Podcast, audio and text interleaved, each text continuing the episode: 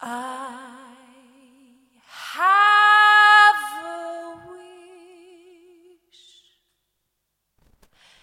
I have a tiny little wish for tonight. For tonight, oh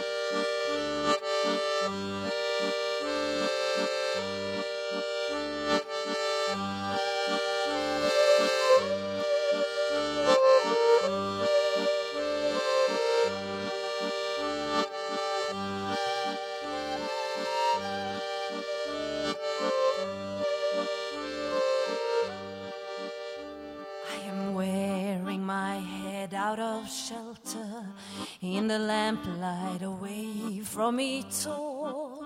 I am bearing my heart in the center of a love that will crumble, not crawl.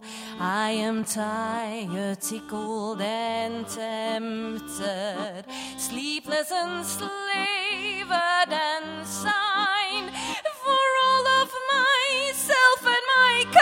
cowards, I am drinking a bottle of wine.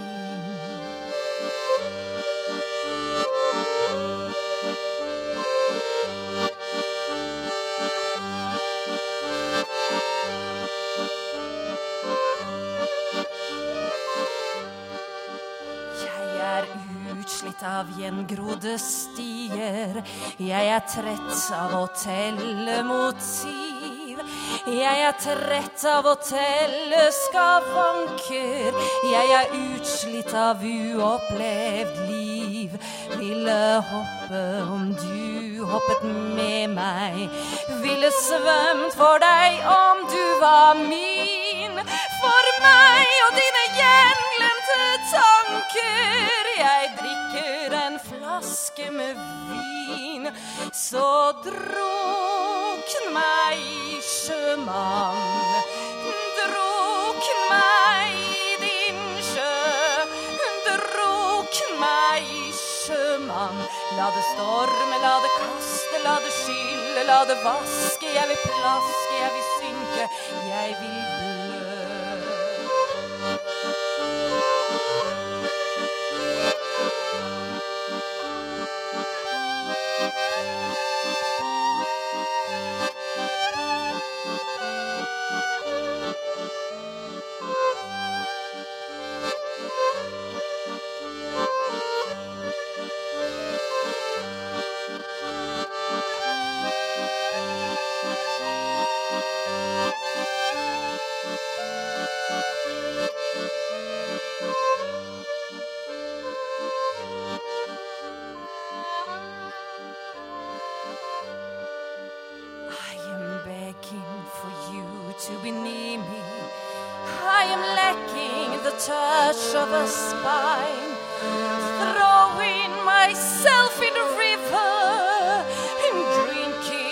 a bottle of wine.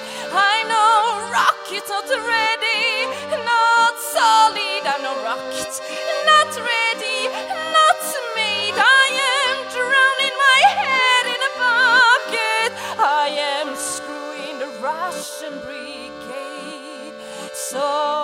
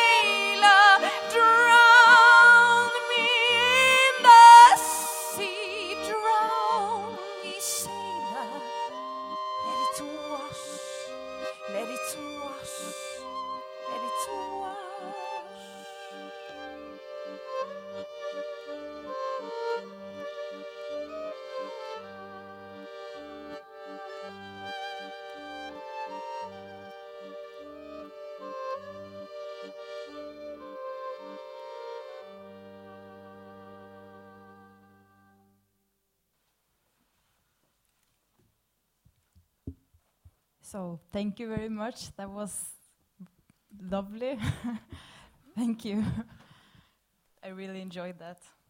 Do, do you know how this came by? It was, uh, as far as I understood, it was a completely spontaneous action from Giro. She she saw that I'm coming, and she just answered to a question: "Do you want to play?" With yes, and then came, and it's wonderful. And of and the best thing is she just sung a, a song about drowning in love, in love, about a sailor, and we will read about a man who drowned. It's like uh, all this wonderful, uh, con- um, yeah. you know what I mean. Coincidences. You set the tune. uh, okay, so um, first of all, uh, welcome to both of you, uh, Sasha Stanisic and Astrid Nordang. Uh, thank you very much for uh, coming. Um, tonight we will talk about uh, the latest novel of Stanisic, uh, which Astrid has translated. Uh, and we will read some, or they will read some parts of the book in German and in Norwegian. Um, b- before we get that far, I'm going to get through this introduction. so I'll try to keep it short, but yeah. Um, so, um, Sasha Stanisic is um, born in 1978 in the small town of Vise, Visegrad. Yeah, it's okay. Yeah. Okay. No idea how to pronounce that. Visegrad. yeah, what he said. Uh, in Bosnia, uh, to a Serbian father and a Bosnian mother, and the family fled the civil war uh, and came to Heidelberg uh, in Germany in 1992.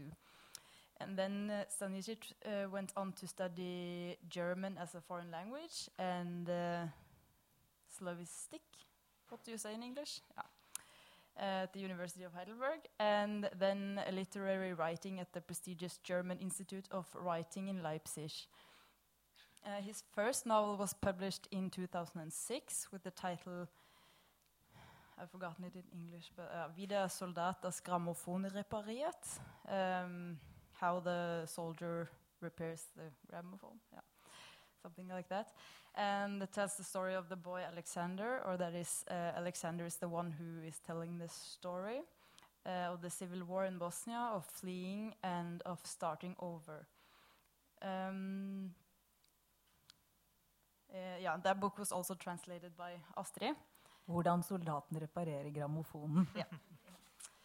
That's right. Um, yeah, that, that came out in Norwegian uh, in 2009, so three years later. Is that right? I think. Eight, nine, I'm not Ja. mhm. Um, Vor dem Fest, uh, or før festen, is that also translated in to English? I'm not sure. I Uh, it's coming out next week. Yes. Oh, do you know the Be- title of? Before the feast. Before the Feast. Okay. Um, that is his second novel, for, for which he won the honorable prize of the Leipzig Book Fair in 2014, and that was just published in Norwegian. I think it came out today uh, in Astrid's excellent translation. I, must I, say. I'm holding it in my hands for the first time, and it has. I, I, it's not just because I'm in Oslo, but it has the best cover until o- until now from all the translations, because they actually made some effort. You know, they just did not copy from a free image somewhere from you know Google Images. They actually somebody read the book actually, and it's really it's uh, who my, my publisher here is here somewhere, my editor Doug Finn, and whoever did this, please say thank you to him or her uh, because this is really somebody thought about it. So that's good. Take that with you. um, okay, moving on uh, with the last part of this uh, long introduction. Um, Sasha's wowed uh, the German critics with his uh, novels, packed with different levels of style and layers of history, knowledge, and information. Not to say colorful characters uh, who all have their stories, and the portrayal of landscapes and nature in uh, a poetic language. Uh, and even though you can, to some uh, degree, recognize the style, the narrative structure, uh, the tragicomical tone, and other things from the 2006 novel in this second one, it's still very different. Uh, Vor dem Fest is the story about the night before the party of Saint uh, Anna in the fictional village um, Fürstenfelde, somewhere in Brandenburg, in the old uh, GDR. Um, and here the old meets the new in uh, many ways. And I think th- uh, this is in many aspects um, a very German novel, which we will get back to. Um, yeah, and maybe a couple of words about Astrid as well. Um, she is herself a writer uh, as well as an actor. Well, Well, past. it says so in the internet. Uh, and she is a translate, translator, mainly from German and Italian. So, let's get started. um, maybe we can just begin with you telling us a little bit about the novel and about this place, Fürstenfelde, and how this idea came to you. Um, yes, gladly. Uh, thank you for inviting me. First of all, uh, it's my second time in Oslo, and um, every time I come here, I have this sudden urge to work. I don't know. It's really strange. Last time I was here, I didn't do almost no sightseeing. I just went to a coffee shop and wrote, wrote for hours. And the same thing happened today. I don't know what it is, but it Oslo makes me want to work. I don't. Re- I really don't know what that means, but it is like that. Um, there is a small village. Uh, there is a small village in in East Bosnia. Uh, it's called Oskorusha. Um, um, it has today only 13 inhabitants left, and um, the sp- specific um, thing about this village is that this is the place where um, my forefathers, a very long time ago, had settled down. Uh, they came from Montenegro, from a, from a southeast province of the former Yugoslavia. They killed a dog of a, of a city uh, holder, of the Turkish Ost- uh, Ottoman holder, and they had to flee. And they came to this village, which is high in the mountains. And um, there were three brothers, and they settled um, up there, uh, formed families, and uh, killed a dragon. And after after a while. Uh, my grandfather was the last one of my direct uh, family who who lived there and then moved to the city and uh, took my grandmother to his wife. He died when I was very little. Um, he died in my first book too. So um, at some point, uh, my grandmother told me that was after the war in Bosnia that there is a place that I have not seen yet, but I had to see it because um, my family uh, has lived there for generations. So she took me to to this village. Um, you drive i don't know if there are probably places like this in norway too probably just outside of oslo uh, where people work so you just go go up the mountain. At some point, you have to leave your car because there is no no road anymore which your car can drive. So, and you have to to walk five kilometers on on foot. That's maybe actually in Oslo, some places like that. uh, no, just kidding. Um, so she wanted to show me that, and she wanted me to know this place. And I'm um, having been through a civil war, which was based on hatred, and this hatred was based based on religion and nationality. I was never a person who who ever wanted his origin or his you know his roots how you call them to become anything special in his life i wanted to make myself available to everybody and everything uh, in order to not make the mistakes that those people who led these wars had made. Uh, but at this moment, when we went to this village, and she told me the story of, of my dragon killing forefathers and my grandfather, and uh, we went there, there's something happened to me um, which led me not to want that this place disappears, even though this is a very uh, vain and un- impossible um, I cannot stop the disappearance of a village where only 13 people live, and all 13 people are very old.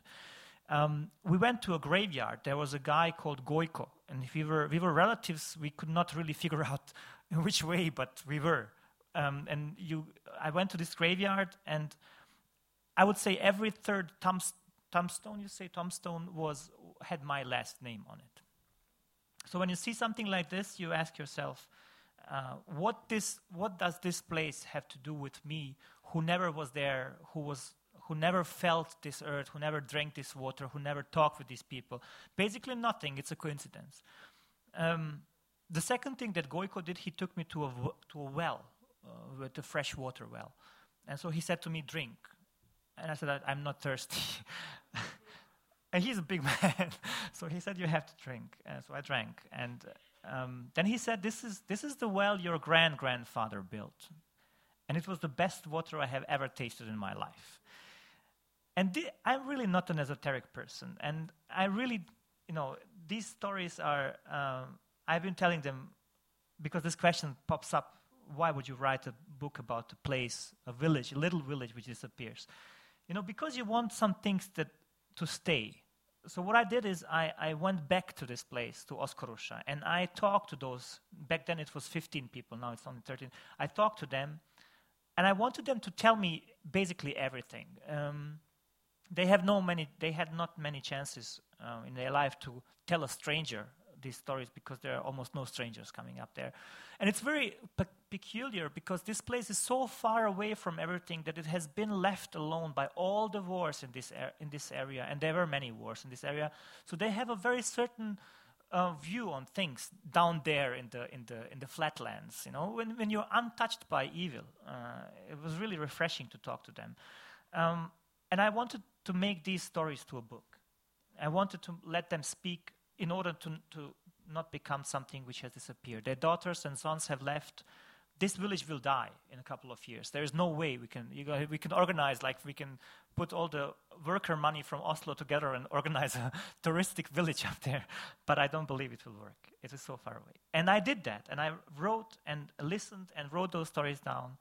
And it became very intimate because in, in, in every of these stories, there was some talk about the grandfather, my grandfather, my my grand grandparents, and um, I thought at the same time, like I'm a writer, I'm not a museum. You know, I want this, I want this, you know, I want these stories to stay, but I don't want to fictionalize them. I don't want to make these, you know, real-time stories because the dragon was real. I don't want to make them become something that you guys will read and say, "Oh, look how absurd those people are."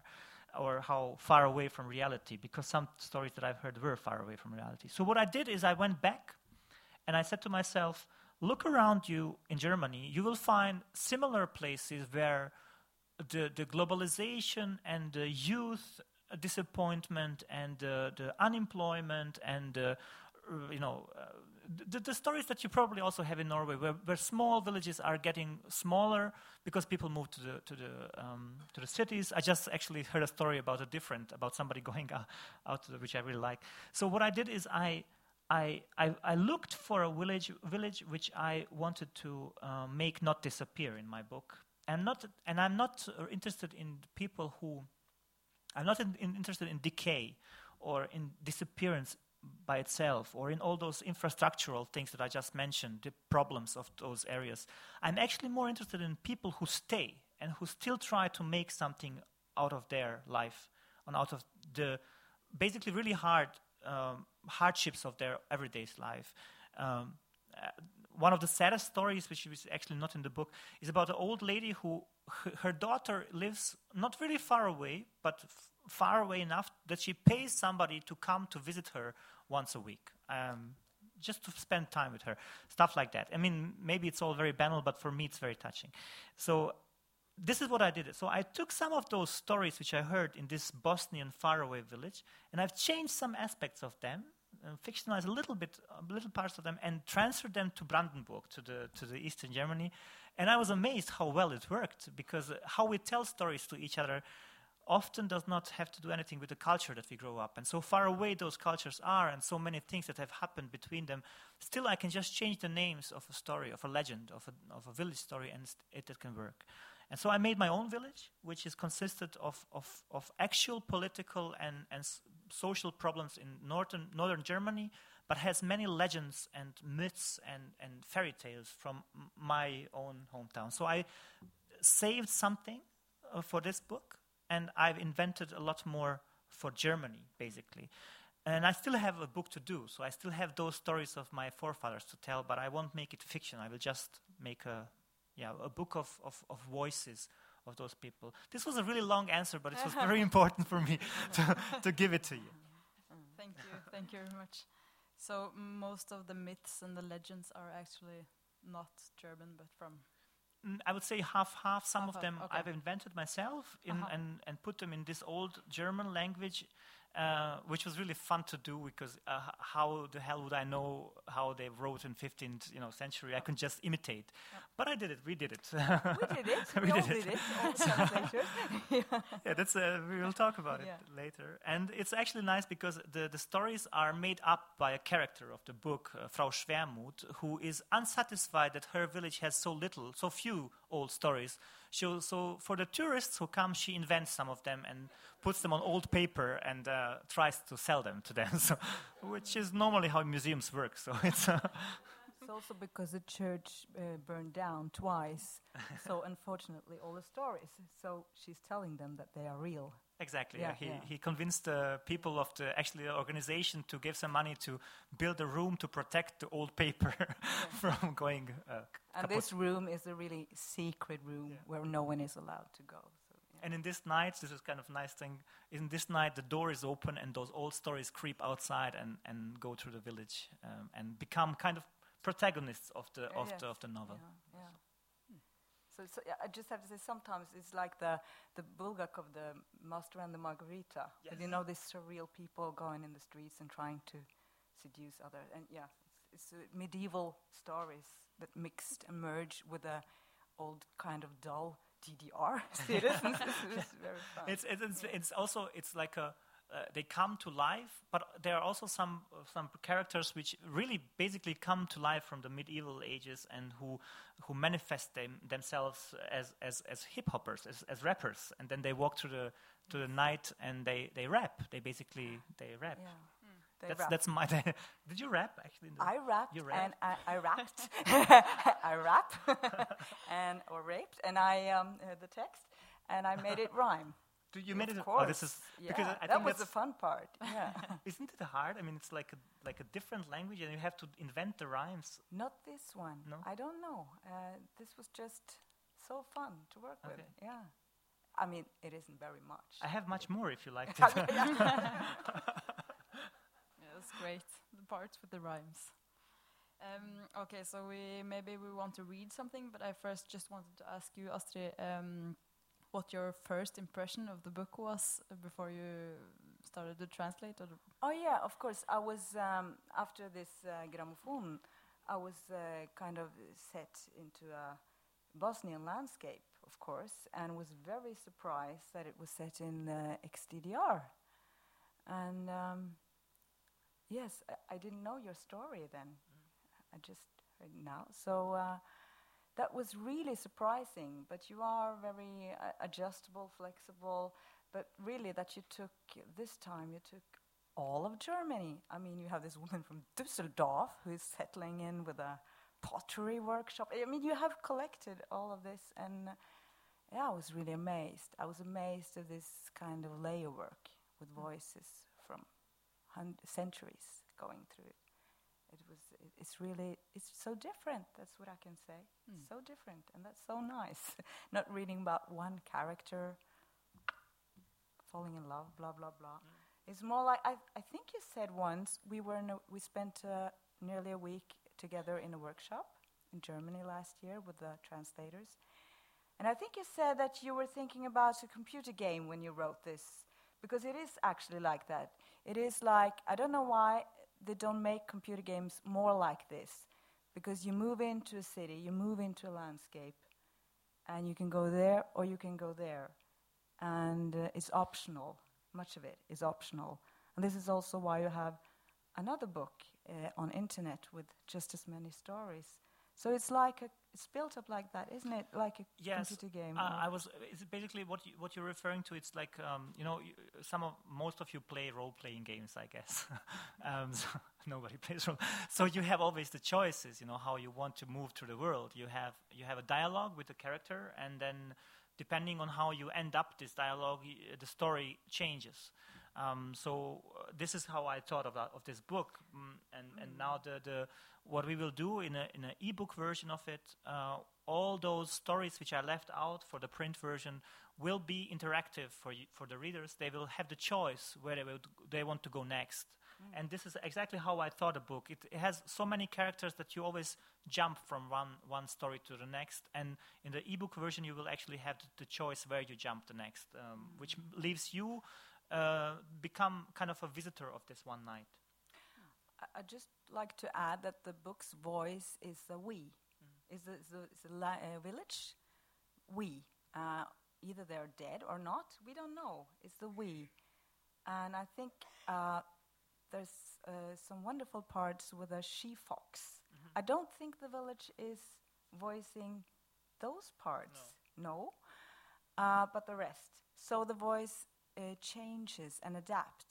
If there, it's about a teenager, Lada, or someone, uh, it's more youthful. And yeah, it, it, it adapts to the person it describes. Except for the parts or some parts where Johann gets a Johann, voice. hmm Yeah, he's the only one. Well, you can when you enter a village and you talk with the villagers. Uh, at some point, if they trust you enough, which happens after a couple of years, they will, uh, you know, you will listen to their stories, and they will start to. Uh, what we do often in our uh, city egoism is to tell the stories with a very strong I. Um, I did this. I am very proud of to, to have built a garden on my roof. Um, and in Oslo, you would say, I like to work. So you, in, in the villages, of course, you have the very strong we, us, the feeling of, of the community.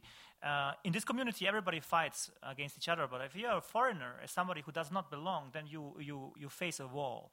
And I created this a we narrator because I think we is one of the most exclusive pronominants of, of our. If, you say if you say we us, then you always mean the others outside of this border. And this is what I wanted to recreate. I wanted to have a narrator who is very who is full of himself or themselves, but also excludes everything else, every kind of you know mingling.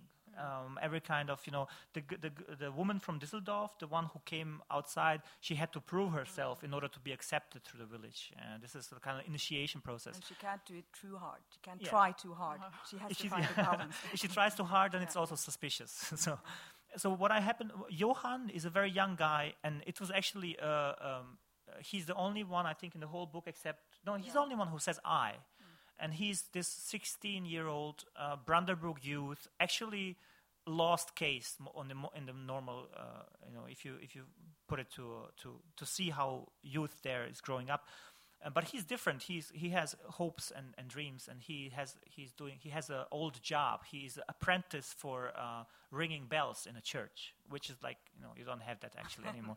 but he does that. He loves that. Um, and it was not. I didn't want to make him say I. I I was actually not able to produce his voice. You just said that every character has a, a very distinctive voice in the book. The old people sound different than the young people. Um, but for him, I just every every attempt to make my book at, in his chapter sound like a 16-year-old from Brandenburg was completely it was completely rubbish. It was no no way that any reader uh, who knows how you play so it, he would not believe me. So it was just a um, I could not express the love of a, of a 16-year-old Brandenburg youth towards his mother. That was the I just could not. Uh, but I could do it in I. I could let him just, you know, speak his mind, and that was why he is the only one with I. And I thought, you know, you have the whole book in we. You won't mind if you have one character who says I. So that's why he's still in. Hmm. Yeah. Interesting. It's a mistake, but it's. Uh okay. Um, maybe we should just read the first chapter. Mm -hmm. Yep. Yes, we, we heard that we can be here until midnight, so we'll try to, to read through the book. Uh, I will read just the, the, the, the beginning of the book. Um, uh, recently, I was in a reading, and then somebody from the audience came to me afterwards and said, Oh, you are a very morbid writer. So, morbid? Why morbid?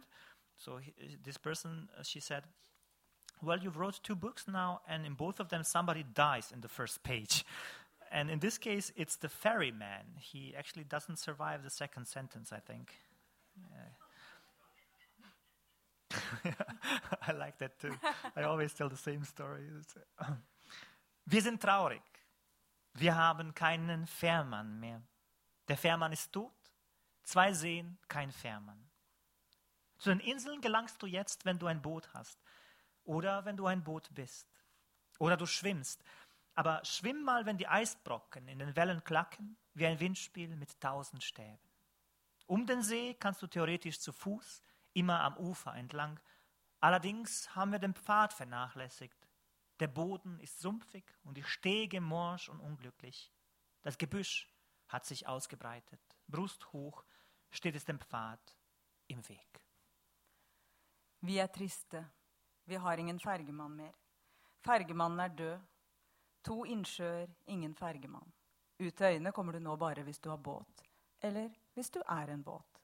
Eller svømmer. Men du kan jo prøve å svømme når isflakene knaser i krusningene som en uro med tusen staver. Du kan teoretisk sett gå til fots rundt innsjøene ved å følge bredden. Vi har imidlertid forsømt stien. Jordbunnen er sumpaktig og landgangen råtten og ulykkelig. Buskas har fått breie seg og sperrer nå stien i brysthøyde. Naturen gjenerobrer det som tilhører den. Ville man sagt et annet sted. Det sier ikke vi. Fordi det er noe vås. Naturen er inkonsekvent. Naturen er ikke til å stole på. Og det du ikke kan stole på, bør du heller ikke dikte opp fine talemåter om. Nedenfor ruinene til den tidligere Skjelkegården, der innsjøene ømt berører landeveien, har noen sørget for et aldri så lite huskeråd nede ved bredden. Et kjøleskap står på den leirete bunnen, fremdeles med en boks tunfisk inni. Det var fergemannen som fortalte oss det og at det gjorde ham rasende. Ikke pga. forsøplingen i sin alminnelighet, men pga. tunfisken i sin særdeleshet. Nå er fergemannen død, og vi aner ikke hvem som nå skal fortelle oss hva breddene bedriver. Hvem skal nå si så fint der innsjøene ømt berører landeveien? Og det var tunfisk fra Norges fjerne hav. Setninger som det er bare fergefolk som kan. Etter murens fall har vi ikke lenger greid å tenke ut noen uh, gode talemåter. Fergemannen var en god forteller, men tro nå ikke at vi i dette svake øyeblikket får oss til å spørre Djupsjø, som uten fergemannen er blitt enda dypere, om hvordan han har det. Eller Storsjø, som druknet fergemannen, om hvorfor den gjorde det. Hvordan fergemannen druknet, var det vel ingen som så. Best slik.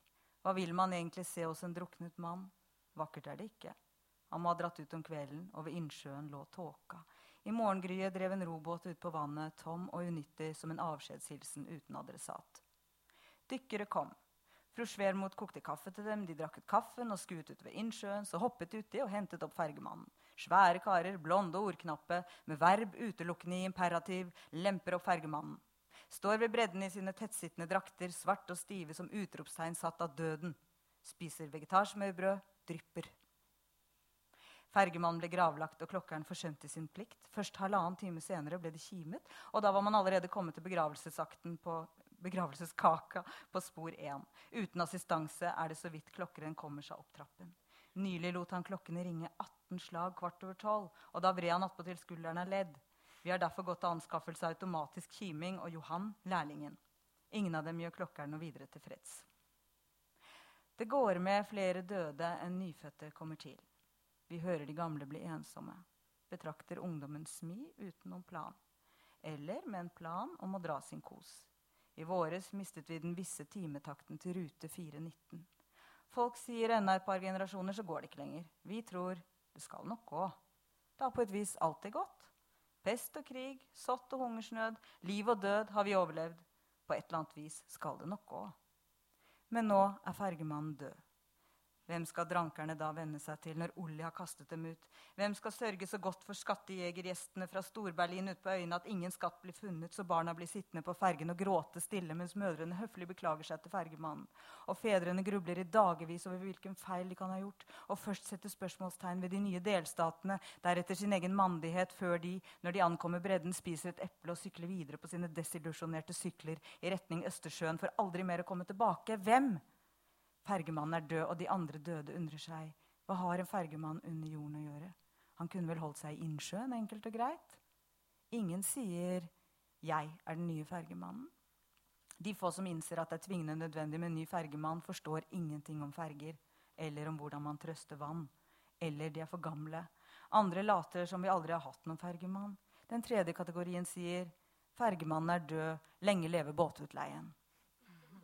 Fergemannen er død, og ingen vet hvorfor. Vi er triste. Vi har ikke lenger noen fergemann. Og innsjøen er atter ville og dunkle og ser seg om. Thank you. Ja.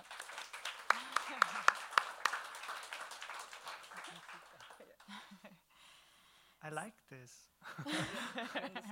Yeah, well, it's not that. I mean, of course, I know. I, I- it's You know just um, I, I could not, but it's just um, some parts of it. I know. I ca also the reaction where the concentration is there, where you laugh. So it's, uh, you know, it's uh, it's it's great. Uh, it's it's just such a such a gift to have translations. I mean, it's a, such a banal thing again to say for me, but um, you know that we sit here and we talk about about uh, villages in Bosnia, and and you know, thank to you. Millions of Norwegians will read this, so, Millions. yes, yes. but they have to work. I'm sorry.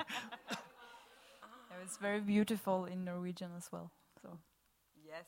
I mean, it is beautiful. So. yeah.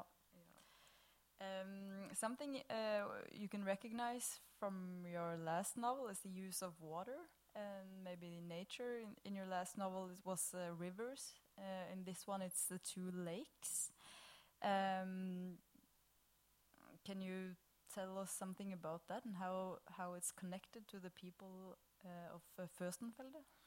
Yes, um, it was basically a coincidence because um, when I decided to, to do the book, I wanted to create as um, thorough portrait of a village as I could, and this meant to have different social um, voices, to, to have youth, the old people, the poor, the rich, the ones who moved there, the ones who always lived there. I have a, a, a animal who tells its part of the story as a nature. I have I have you know uh, people who are uh, intellectuals. I have so I wanted to create a, a, a puzzle of this village as as you know detailed as I could. So um, in order to do so, I needed to look into the present, into the past, with all those stories from the from the old times, um, and I also needed to look into the earth and into the water. Um, what is there? What is down down be- beneath? Um, because this all consists for me um, not only for a village but also to how people live their lives through the ages and what do they do now because most of them have been feeding themselves and making you know, money out of these seas. Now it's tourism of those seas.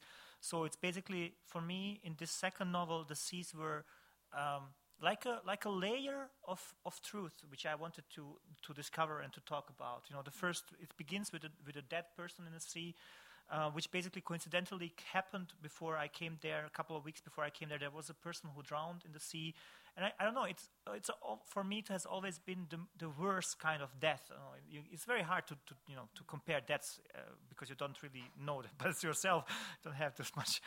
Uh, so, but this some, for some reason it has always the, the most um, you know horror for me, and before I came there, I researched the archaeological um, uh, reports of this area, and I found out that there were um, in the ninth ninth uh, Jahrhundert, ninth century, there were people Slavic uh, people who lived in this area, And in one of the graves, they have found uh, uh, w- women who had a coin between their between their teeth, which means that was the coin for the for the Passover to the fer- for the ferryman.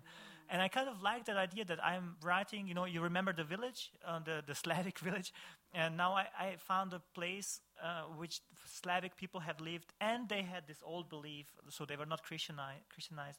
And so I used this kind of this archaeological device to put the ferryman in my story. And if you have a ferryman, you need a sea. So um, it's uh, ba- so. But in the first novel, it's different. In the first novel, I refer to many. Um, to many stories which played in Visegrad in my hometown, which is prominent by the by the presence of a really beautiful river, which is really green and, and, and large and, and scary, and the, the river, how the river should be. Um, so um, there, the river is has a voice, is a character. It's basically somebody who I believed, uh, you know, how rivers are. It, it has only a very short attention span, just the way like how long it takes until it's through the village. but in the end, the river bed has been always there. So it has a, a mind that is very, very uh, old. Uh, and that's why I used it as a, as a storyteller in my first book. And here I used it basically as, as a killer of the ferryman. Um, and there is, there is a chapter which will be in the ebook uh, where there is actually a, a, a taucha, um, A dykker, yeah. a yeah. um, who who tells the story what he found underneath the underneath the surface, uh, and he finds a bomb from the Second World War, and he finds uh, stuff. So yeah, that's part of the of the of the landscape basically. But it also houses the devil. Definitely, yeah. Yes. So Yeah, it's sometimes very- it's very heavy to row, and um, Yeah. there's a warning implicated in this Yeah. that if the villagers doesn't leave Mm. the area, they will be destroyed. The village will be destroyed. This is, of course, a couple of centuries back, but uh, yeah. Yeah, it's, it's, I found a, a very, very old legend um, from this area which had a devil in it, which was really weird because most of the old stories had um, had left the devil out as, as, as much as they left the part between 1933 and 1945 they also left the devil which is really strange because in the old stories you have the devil most of the time and this one had it and it was the pest devil the, the one who brings the pla- plague um, into the city. And i found the story to be tragic because um, he came by ways of water. He came by the boat. Uh, the, the ferryman takes a passenger who is uh, who is afflicted by the plague and so I imagined the rest of the psychological. What does it mean for a man who knows that he's responsible for, for killing his, his people? And he, but he takes him over, even though he knows, he senses that this guy is, is uh, he has, you know, uh, something in his mind. He has, this is my job. This is, I, I am a ferryman. I will take him over because he paid me the, the, the, the fair. the fair. Yeah, yeah. I also found that the nature and the legends and the and the people of the towns uh, all kind of linked together in a way. And then you have the fox. It's just a comment actually, but the fox who um, um, comes, or there's a story about the fox that comes in every now and then um, and crosses the tracks of the people of the village. That is just really beautiful. And then at the end, uh, there is a wolf there, which uh, may or may not have been introduced by the people. and it's like all really connected, and it's, yeah, I find that really beautiful. D- Did you have troubles with the, with the fox, with the language of the fox? Uh, I have to say yes now, don't I? yeah, no, but it's of course the challenging parts are the word, uh, the parts where you really concentrate and have fun and, and play with it, and and of course the the proofreader said because uh, you, it was very useful this uh, workshop we had because you were talking about this she fox and there was a word there schmecken, also smake. And of course, the proofreader wanted it to be more like we have this wonderful word være, which is also veen. And you didn't use that word, you used schmecken. So I used smake in Norwegian, and it sounded uh, wrong to the proofreader. But of course, it makes it much more uh, concrete because it's all about the food, it's all about tasting the world, eating the world, and not just sniffing at it. So, um, it, yeah, d- d- it was. Um, I mean, uh, you just have to find this, find it. How much? Uh, what was difficult was how much should I change it into a, the perspective of a, of an animal. So uh, Because that's the, what I was trying to avoid. Actually, I wanted, didn't want it to be like a fairy tale thing. Mm. You know. Mm. So mm, but it, but I think it's uh, I tried to find a balance somehow, mm, Mm. like it was in the book. Yeah, I think you did a good job with that. Um, maybe there are, there's a lot of fascinating characters in the book, um, which makes it really fun and interesting to read. Um, maybe you could just give us a little taste of the some of the different characters. Yeah, uh, the Herr Schmidt. I like you to tell us something about Yeah, Herr sure, Schmidt. Herscham. Herr Schramm, uh, sorry. Herr Schramm. He's, um, yeah, he's pretty old. He's in his 60s, and he's tired of life, more or less. They're laughing because they, yeah, 60 is still young in Norway. still young, still very young. And he, uh, he's trying to decide whether he should buy cigarettes or go out and kill himself with a gun. It, it's a task we all ask ourselves every day. Yes. and of course, buying cigarettes, then you have to go to this vending machine. The only one in the village. Yes, and it takes slots, and uh, it's not always um, functioning. In this night, it's not functioning. So, and I think uh, this part that I like to read now is very good because it tells us about. Um, I think it's very interesting the parts you all also described from the 80s. I mean, when it really was DDR and everything was very bureaucratic, and we kind of forget that. The past uh, after 1990 or something, we there's a new reality, and we get this flashback from from the 80s. Yes, it's, it's actually actually it's uh, it's basically exactly what you say. It's uh, it's uh, this night is full of full of, full of memories and, and stories, and he is when we now Astrid will read it. He's basically standing in front of the vending machine for cigarettes, and he wants to buy the cigarettes. And at the same time, the night is making him think back uh, about all, all things that he had done in his in his life, and you and you find out that he's a man who you know, who he did just wrong things and he knows it. He's really vital and, and lively, and he basically he's sh- charming to to a sorts, but at the same time, you sense that he he had done really really politically really difficult, uh, you know, just uh, you know spied on people and told on people, and so we meet him now in this moment of you know he has a gun with him and he he thinks okay now it's it's it's either cigarettes or I shoot myself. He's coins and gun. Mm. Og herr Schramm, tidligere oberstløytnant i DDRs nasjonale folkearmé, deretter skogvokter, nå pensjonist og, fordi det ikke strekker til, svartarbeidende, gnir mynten mellom fingrene over det stedet på sigarettautomaten der andre har gnidd dem før ham. Han lukter på fingrene, fingrene lukter av lunken pengegnukking. Herr Schramm kaster inn mynten oppe, mynten kommer ut nede. Automaten beige med store, svarte knapper står utenfor pensjonatet Alpschnitte. Tidligere huset det meieriet. Det ble auksjonert bort på begynnelsen av 90-tallet. Herr Schram vurderte å bli med på budrunden, men å pleie omgang med fremmede, det ville ikke vært noe for ham.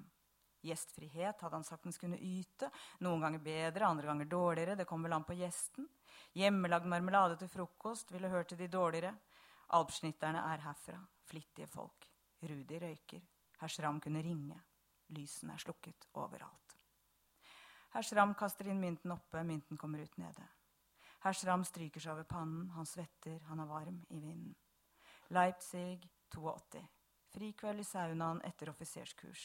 Oppskjenking av pæredram.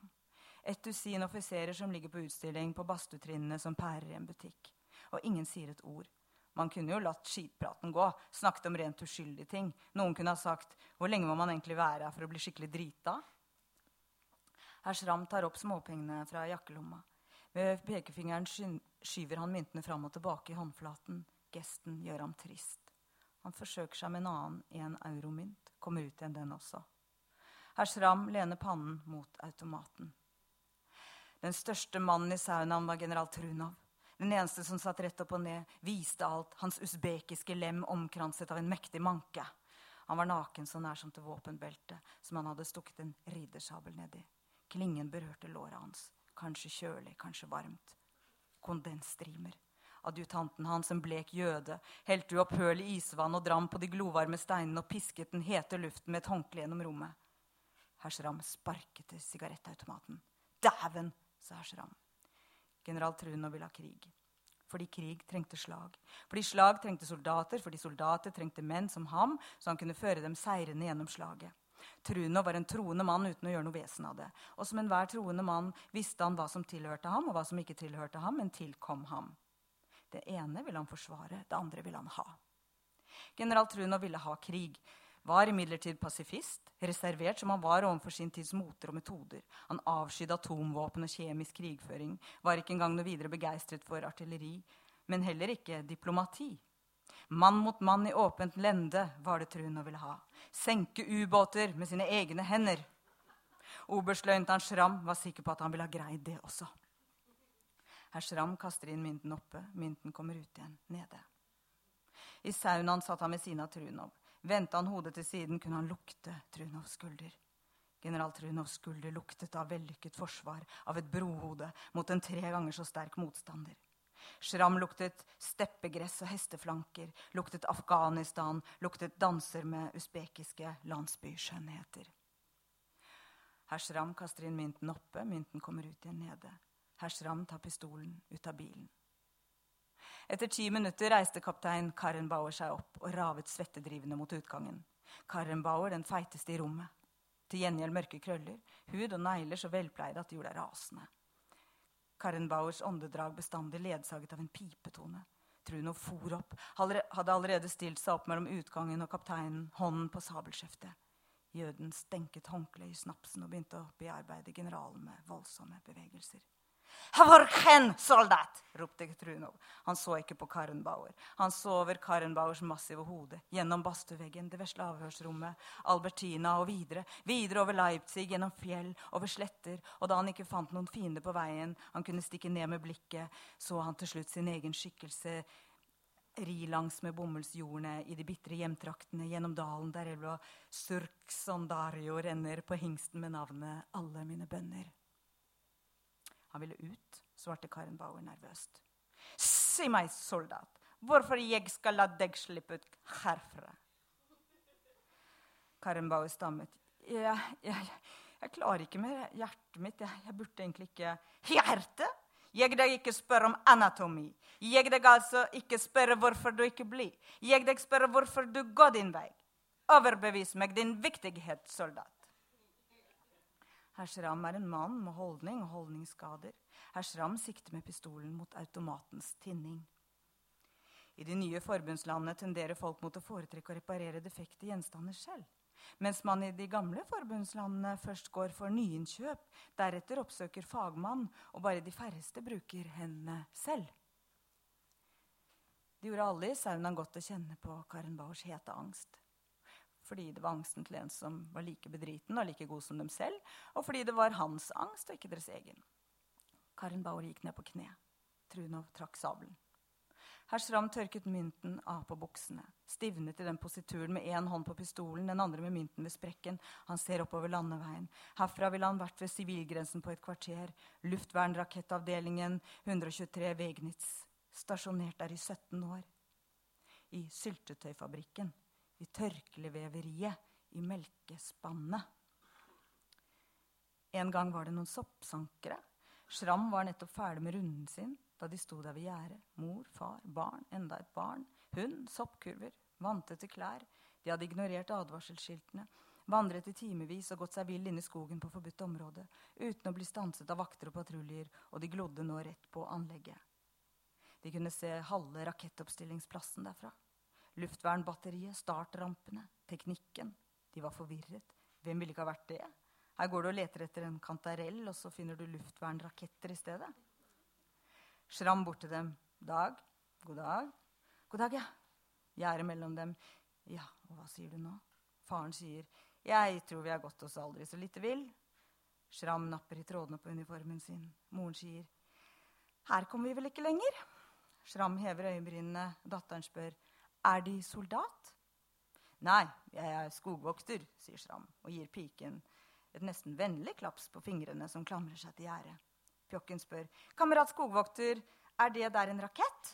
Og peker på startrampene. Og hva sier du nå? Sier du jeg ber dere, kan dere fjerne dere fra området rundt syltetøyfabrikken? Aldri siden har Shram møtt en så vital mann. En mann så til de grader på høyde med seg selv og verden. Duften av skulderen hans. Trunov lot ikke kapteinen få slippe ut. Med sabelen banket han takten til Karrenbaurs hjerteslag mot trepanelet, der avhørsrommet befant seg like bak. Si meg hva du er verdt, soldat! Han la sabelen bak kapteinens øre. Jeg er jo Jeg kan jo ikke Jeg er ikke ennå, generalkamerat, vær så snill.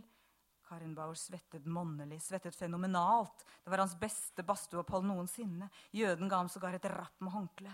Alle hadde drukket drammer de siste dagene, før og under og etter foredragene. De hadde drukket hjemmebrenten før badstua, men nå som Trunov trakk sabelen, var ingen lenger påseilet. Schram spratt opp og stirret inn i generalen, sprengte blodkar i venstre øye. La mannen være i fred, sa han. Det er ingenting å lære av en som går ned på kne. Herr Schram kastet mynten inn oppe. Tilfredse klikk i automaten. Maskinen fordøyer. Displayet viser innbetalt beløp, og opplysningen 'tobakksvarer har 18-årsgrense'. Hersram sier ja. Displayet sier 'aldersbevis påkrevd. Sett inn ID-kort med chip'. Nei, sier Ashram. Nei. Oberstløytnant Schram fulgte soppsankerne til sivilgrensen. Mengde med sopp i veikanten. Men nå visste de ikke om de lenger fikk plukke soppen. Dermed plukket Schram den første soppen og la en steinsopp ned i jentas kurv. Og så var det langt fra noen steinsopp. Stumt tok moren den ut av kurven igjen. Karenbaur ålte seg ut, og Trunov kysset Schram på munnen som en bror. Han insisterte på å besøke Schrams avdeling. Følgelig tok Schram ham med til luftvernrakettene sine. Staben sørget for en mottagelse. Generalen tok alle med bar nakke ømt i den bare nakken. Det var statsflagg, nasjonalsanger og linsegryte. Generalen likte det. Generalen drakk. FRA 123 Wegnitz åt linsegryte i fem dager og drakk i fem dager. Raketten og raketteknikken interesserte ikke generalen. Han var interessert i bakken. Han lot grave en grøft, én meter dyp, luktet på jorden, klatret tilfreds opp av den og befalte dem å anlegge en kjøkkenhage der. Paprika. Han befalte paprika. Kamerav Trunov var interessert i kultur. Hver kveld krevde han kultur. Radar Combo 2 spilte opp til dans. Trunov lærte musikerne en sang fra Usbekistan. Personalet danset først forlegent, deretter løssluppent. Adjutanten spilte et solostykke på kontrabassen. Generalen sang. Generalen danset med Schram. Hvisket Schram i øret at Trunov langt ifra var hans egentlige navn, og at den eneste frykten han hadde her i livet, var frykten for dem som oppkastet seg til dommer over andres navn. Han sov med støvlene på, og jøden barberte ham mens han drømte. FRA 123 Wegnitz visste ikke lenger hva det ville si å være edru. Den femte natten var varm.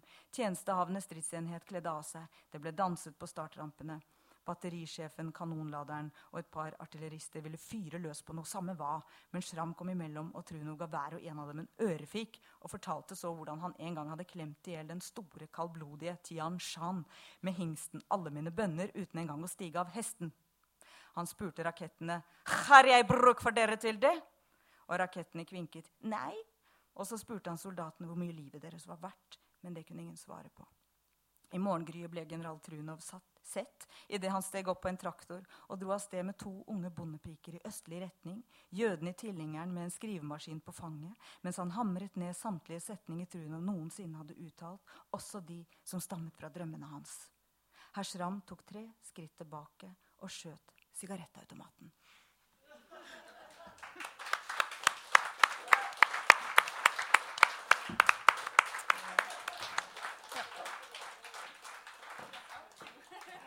Then we'll have some more music.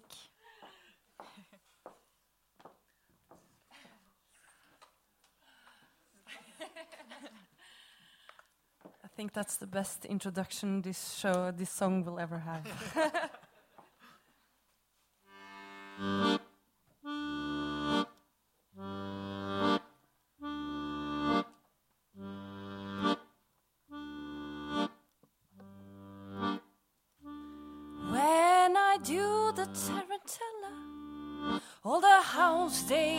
to roar. The boys will go to hell, and then the Cubans hit the floor. They drive along their pipeline, they tango till they're sore. They put apart their nightmares and they leave them by the door. Let me fall out of the window with confetti in my hair and out jacks or better on a blanket by the stairs. I will tell you all my secrets, but I lie about the past. So send me off to bed forevermore.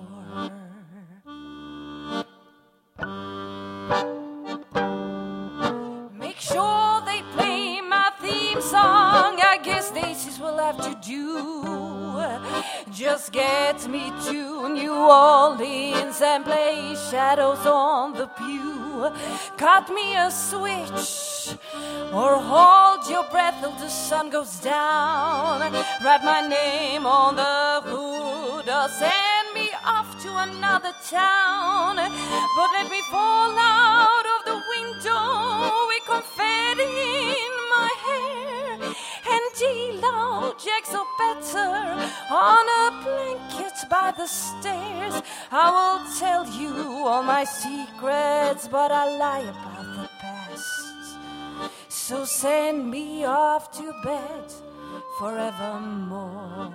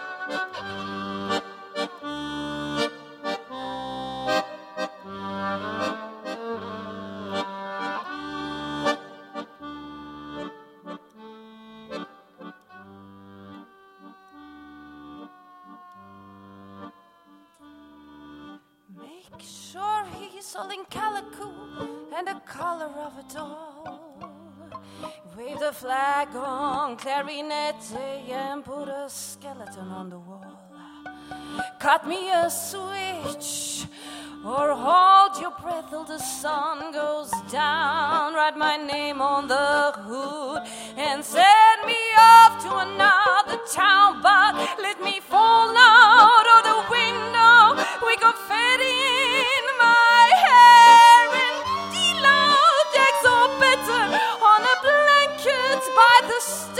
stairs. I will tell you all my secrets, but I lie about the past. So send me off to bed forevermore.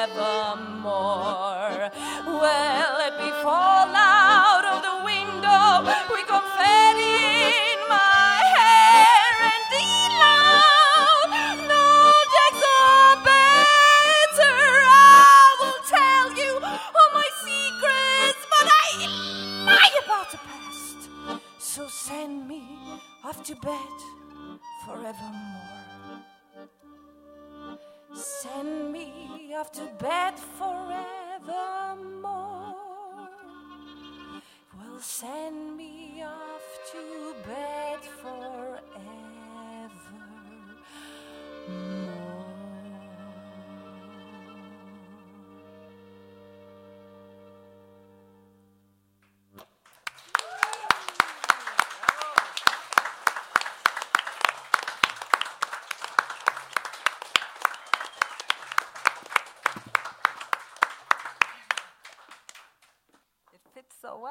unbelievable. Two of my favorite instruments so close by, and um, yeah. How long? No, no, we'll we'll talk. I think. Okay. Yeah, we can. Um, okay, I have so many questions and so little time. I feel. Um, okay, I um, as I said in the beginning, the novel is in many ways very German, um, both uh, uh, geographically and historically, but also literary. Um, you can say that's uh, that it's in a way positioned in a strong German literary tradition. Um, um, now I've written like that dates back to the period of the Neue Sachlichkeit. Yeah, yeah, please elaborate. oh, oh. Uh, but I was just I couldn't avoid like thinking about uh, when you see the the collage, the montage uh, technique that you've used, um, like uh, Döblin's Berlin Alexanderplatz, uh, and also like I am a hopeless um, Grass Günter Grass uh, fan. the way that you've used like this circular motion and the timelessness of the novel and the way that everything has a before and an after and even though everything repeats itself kind of. You have some places also where you say like uh, there's a rock that um, at first it was called the had the name of the emperor Wilhelm and then it became the Hitler rock and then it became the Thälmann rock it's like the same thing but different names after different regimes and stuff like that. Uh, how do you uh, feel about that kind of uh, view of your novels? I feel great because there is a view about my novel. no, I don't really think about these things. I've, I've, uh, I don't think I'm. I, I, I have not even read Grass. Uh, I read one of his books. Um, I did read um, some some novels which are. Um, there are very few which deal with this uh, particular political landscape, and most of them are really old. Uh, so I read Fontane. I don't know if you Fontane uh, know, um, and I found it so unbelievably boring. I'm really. It was just like I, I, by, reading it, I thought this is exactly how I don't want to do it. uh, so maybe this is this tradition. So um, also I read Dylan Thomas, who I really liked, and he has this circular motion. He also has a view on a very small universe, and then puts out of this universe you know, exemplary characters, which then he lets let, let give them voices in order to tell their stories. So um, also a guy um, who I really like, um, he, he's called Willie Lawton, a young American writer who writes about the Southern American states. And he actually the, the, the American writers had been had had more influence on this book than the German writers. Um, uh, weirdly, uh, but um, in the in the in the end, you are right with one thing. After my first book, which was so strongly biographical, and every single um, journalist and, and podium discussion dealt with my life instead of with the book, I really wanted to prove to myself that I'm able to do something which has nothing to do with myself, you know. And I took, I did took those stories from this village in the, uh, the remote Bosnia. But if you are really honest, then these stories don't have really to do with myself because they're really old legends and myths. So I wanted to prove to myself that the literature, the fiction, uh, is is stronger than biography, you know. And uh, right now, Knausgaard is actually in Hamburg, and I'm in Oslo, uh, which is very strange. But uh, he has the same problems. You always have to answer the same questions: how much of this is biographical? And I really, um, for the for the very basic part of how we deal with literature, um, you know, and I found literature is not only writing but also reading. We we create a team where we do this. Is has as much to do with biography as as you know washing your clothes has to do. You know, so it's uh, for me was a, a, a, a sincere attempt to go away from my body and my mind and my own history to something different. And I never never thought much about the styles and techniques. I actually did what I like to do the best. You know, I, I love to read novels which have um, which don't have one s- string of action but many characters. I, I love to read novels which are set not in just you know a couple of days but in a long time. Um, here's 500 years of history, so that has actually influenced me more. Um, but um, I don't know maybe maybe it's it's good that I'm kind of naive, you know. Maybe it's good that I don't have these things, but that that makes me borderless, and I can do whatever I want with this with the with the with the with the with a village of my own. um, this um, the voices that you brought in and all of the history. Uh, it also um, uh, we also see some passages uh, which I think are like documents from the archive, maybe, or there can be everything from a dinner menu to uh, um, yeah, very different things which don't really have like a um, a voice, like a like the narrator, the we narrator, but which are just like texts. Um, and yeah, I, uh, this must have been difficult to translate. Or can you maybe say Yes, something about um, how you? Yes, I went to a very famous. Um, the text dates from the 15th century to the 19th 19. century, Mhm. and I read about uh, Nor- the history of Norwegian language, actually, uh, of the grammar. Uh, It's always a good thing to do. you yeah, always, always. and found out that there was a new law coming up uh, sometime during the 18th century because we were very, very influenced by the Danish. But uh, I really love the old part because it's got a lot of X's in it, and uh, it, it's, it's very funny. But I, um, I read different stuff. I also read Hamsun and some of the um, uh, yeah novels. So I just took some text excerpts and, and really try. I was very um, I was much calmer when you told me that uh, this is I mean this is Sch- Frau Schwermuth's text. Uh, she does mistakes. She does mistakes, so it doesn't have to be really. They can't pin me, they can't hang me, they can't throw stones at me. So, uh, but um, you should have the feeling, and you should have this atmosphere. And I mean, many, many times after the readings, people say, "Oh, those are authentic texts," and I say, "Yes, of course." of course, So- and these look very authentic in Norwegian as well. Yes. But did you do the same? Uh, yeah, like definitely. back I, I just lost courage at, the, at at some point, and I thought myself, "Oh, who am I fooling? You know, how you, you cannot, you know, invent. You know, you cannot. I, I'm just an, I'm not a linguist, and I cannot pretend that I know. As far as it goes, I'm I'm able to recreate and, and, and imitate, but I'm not able to produce new text. And and as soon as I I had my Grimm's uh, dictionary, which which you know has all the words and and go back to see when they are used the first time. So I had that as a help, which is great. But you when you invent stories, then you have many words which you have to look up, and you find out that they're no, nowhere to be found. So what do you do with that? Uh, freckle, for example, I, I, that was the one word I, I, I just could not find the word freckle in the sex- 16th cen- century, and so so what? So I put freckle in it, so it's there now. Uh, I just hope that the aliens don't think that this is 16th century. So I, I used Peter Dass, which you all know, of course. Uh, I took some text from him, and if I had, if I would have used his kind of work, no one would have understood it because it was really hard. Some of the parts, so I had to normalize it a bit. And uh, when I didn't know the words, I used some Danish or or dialect, New Norwegian, you know, and you just kind of merge it into something. I love that. That's exactly what I Yeah. what I'm hoping to, to, to achieve. Yes. And these stories basically, this is what what you do. You find these old texts, like you do, you compare it, and then uh, one of the stories that I really like in the book is about uh, about a pig, about a pig which is a little pig, a piglet, a piglet. So you have a small pig which is which is uh, born, and the small pig has a has a human head, at the head of a, of a human.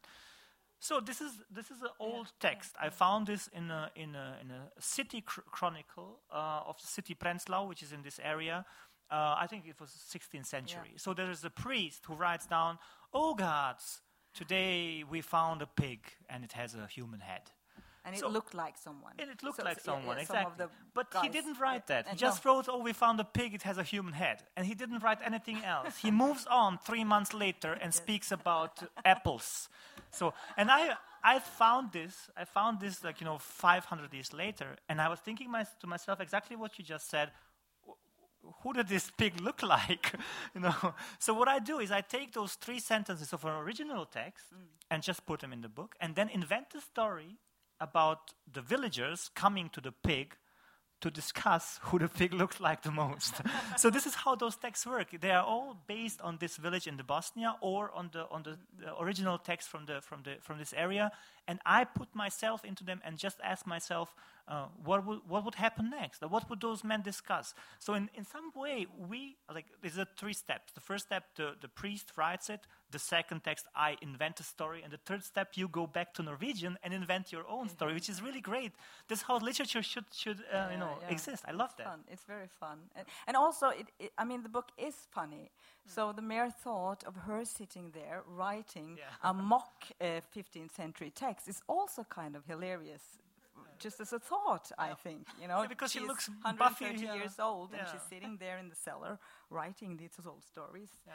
in a mock. No, yeah. And so in her free time, she lo- she watches Buffy the Vampire Slayer. So it's a it Yeah. all has its traditions.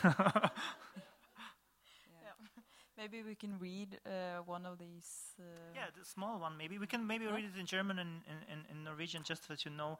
Um, this is one of the first ones. What, what happens is basically um, uh, a blitz, uh, uh, thunderstorm is in this night. A short thunder, thunderstorm comes down, and there's a there's a tree which has been hit by a blitz, by a Li- lightning. Thank you. yes, yes.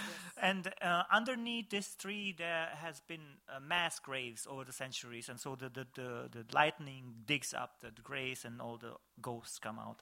And this is one of the first stories, of course. what else? Uh, I just read uh, Game of Thrones, all the five books. um, excuse me, my uh, my magical thinking. Um, Im Jahr 1588 im Monat Majo sind dem hiesigen Krüger Ulrich Ramelow zwei schöne Pferde gestohlen, wohl aber getauschet mit zwei abgezehrten Schindmähren. Es hat sodann der Stallknecht dem Krüger eine Mitteilung geboten, dieselbe ihm durch zwei Männer aufgetragen, von denen der eine von sonderbar langer Gestalt gewesen und sein Kamerad wie ein Fässlein rund so der Krüger gutes Bier auf die Seite schaffet und das geschankte Bier mit Wasser ergänzet, worauf es schmecke dünner als zweimal gegossenes Konvent, solche Gaule soll er eigen nennen.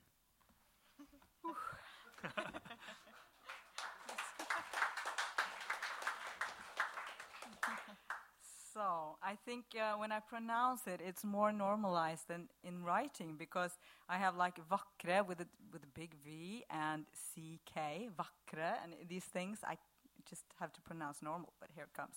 I år 1588, i måned majo, blev nuværende krovert Ulrich Ramelow frastjålet to vakre hingster. De ble byttet ut med to avdankede magermerrer. Det havde seg slik at kroverten da sendte beskjed med stallknekten om at denne skulle give to menn et oppdrag, hvorav det ene skulle være av syndeligen lang gestalt, og hans kamerad rund som et fad. Slik skaffede kroverten seg godt øl på siden og utspedet det med vann, hvorpå det tynnere enn to ganger oppskjenket vassøl. Slike øk skal en kalle sine egne.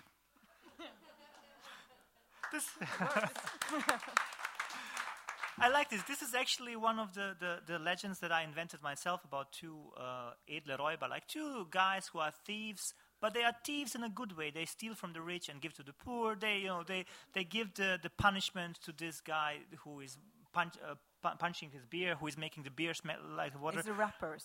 and they are the ones who Yeah. later on they see Anna, which is the character of the book. She has an asthma attack and she falls down, and they they emerge from the past in, in, in form of rappers and try to help her. But I'm kind of proud of this when you read it. I, I don't know. I'm I'm often proud of my text. I shouldn't be, but I am. I admit.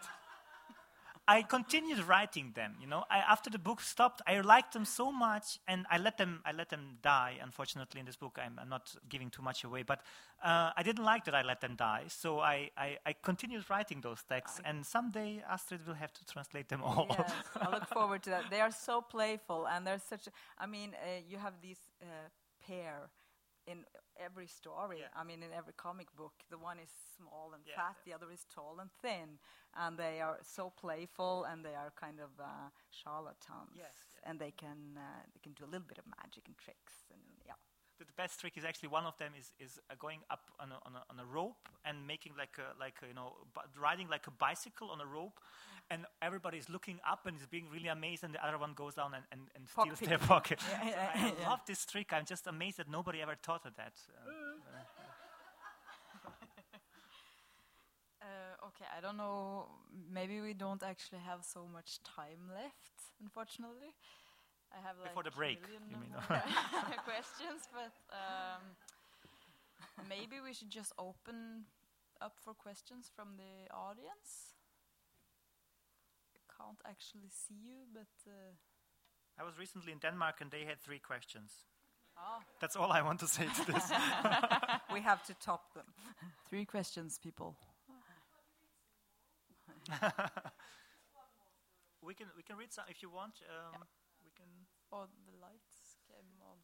we can read something. Do you want it in Norwegian or? Um, well, that, do you like if I read German, nobody understands, like right? Many people. I, I'm not sure what this means.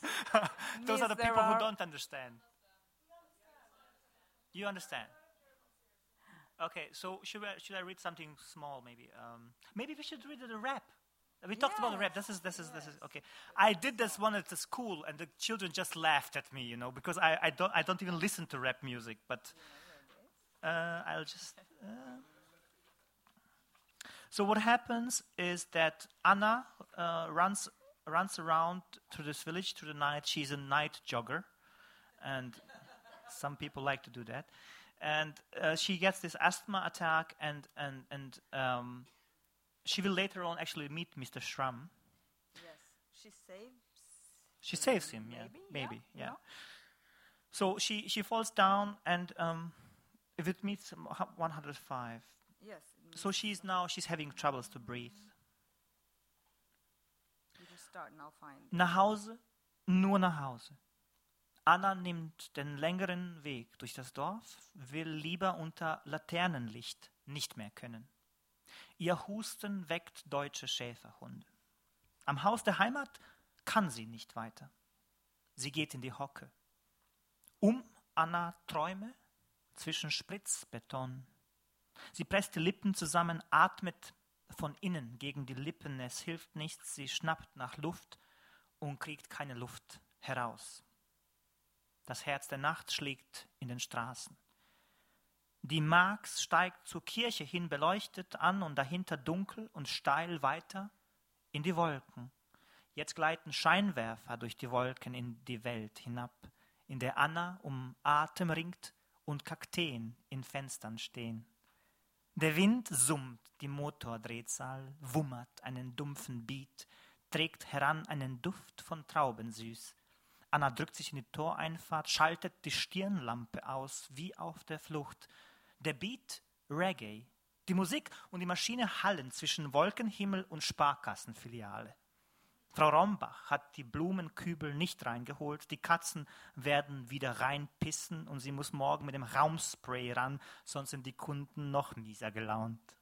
Blätter fegen über den porösen Asphalt. Auftritt in Schrittgeschwindigkeit, metallicblauer Kastenwagen, die Karosserie scheppert blechern auf dem Bass, das Scheinwerferlicht streift Anna, die erstarrt wie ertappt, Steinchen knirschen und an den Reifen der Wagen hält. Es wird nachgedacht, drinnen und draußen. Anna gelangt, gelingt es nicht, sich aufzurichten. Die Regentropfen flimmern im Licht. Der ruhige Beat macht die Nacht aber nicht ruhiger.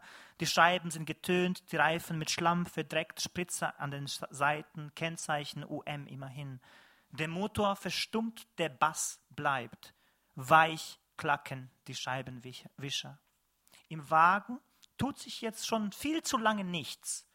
Erst als das Lied zu Ende ist, schwingen die Türen auf, ein neuer Beat, eine Welle deutscher Hip-Hop schwappt über Anna und es steigen Männer heraus, Jungs vielmehr, noch wachsen sie in ihre Glieder. Nachts unterwegs sind sie trotzdem die Lieder einer Armee bestehend aus zwei.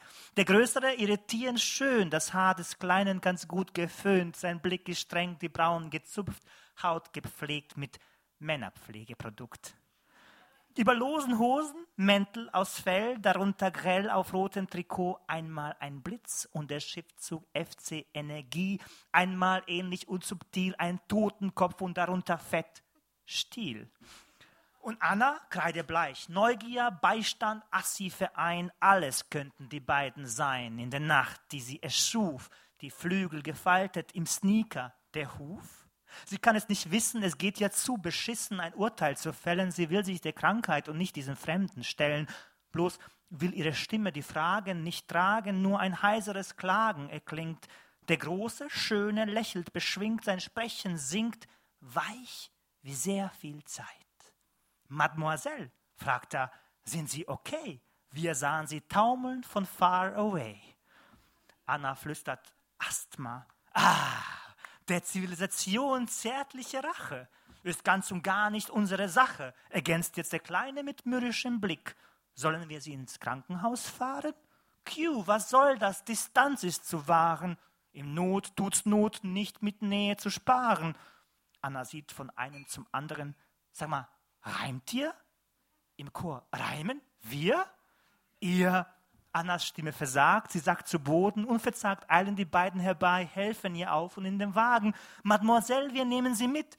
Sie sind ja dermaßen gar nicht fit. Anna nickt, kann kaum noch sprechen. Ja, zum Geershof kennt ihr? Die beiden werfen sich einen Blick zu, der mehr spricht, als Anna versteht. Anna sieht zur Tür, der Knopf ist oben. Das ist gut. Die Gegend, sagt der Erste, ist uns vage vertraut. Das GPS hat's uns gerade schon versaut. Krass. Anna versucht durchzuatmen. Hier, die Thelmann runter und auf die Landstraße. Ich sag Bescheid. Der Q-Genannte wendet den Wagen. Wo, wo kommt ihr denn her? Versiegen lassen will Anna das Gespräch nicht, so schwer ihr das Sprechen auch fällt.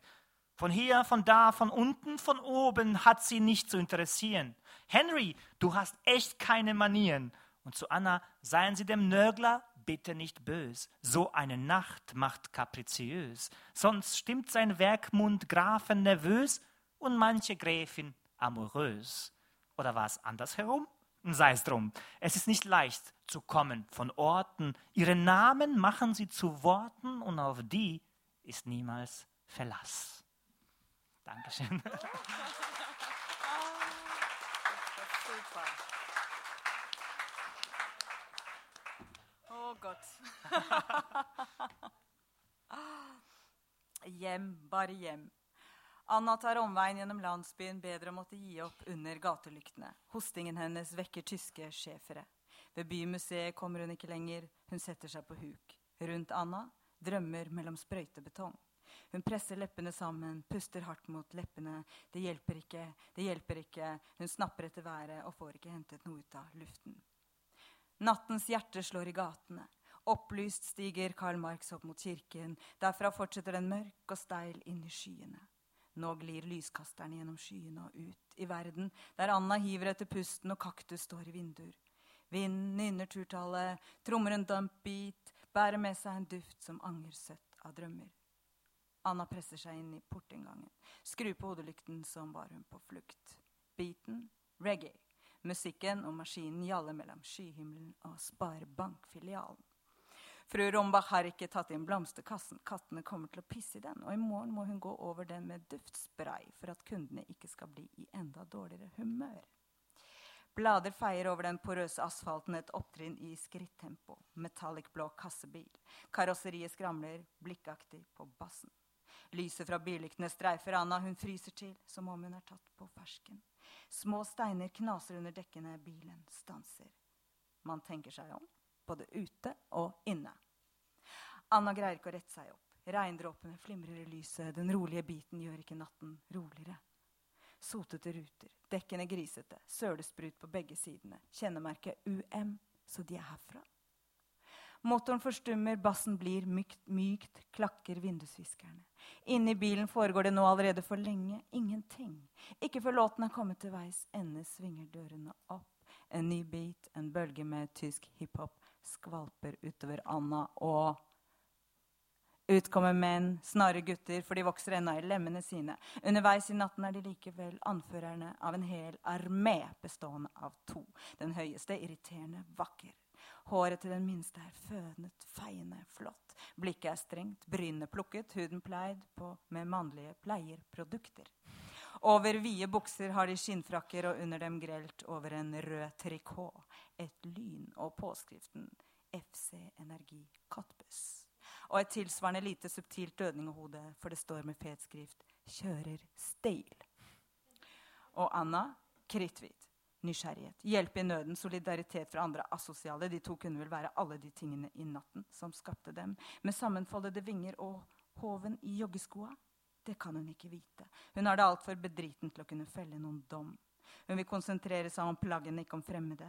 Det er bare det at stemmen ikke vil bære spørsmålene. Det eneste som kommer ut av henne, er hes klaging.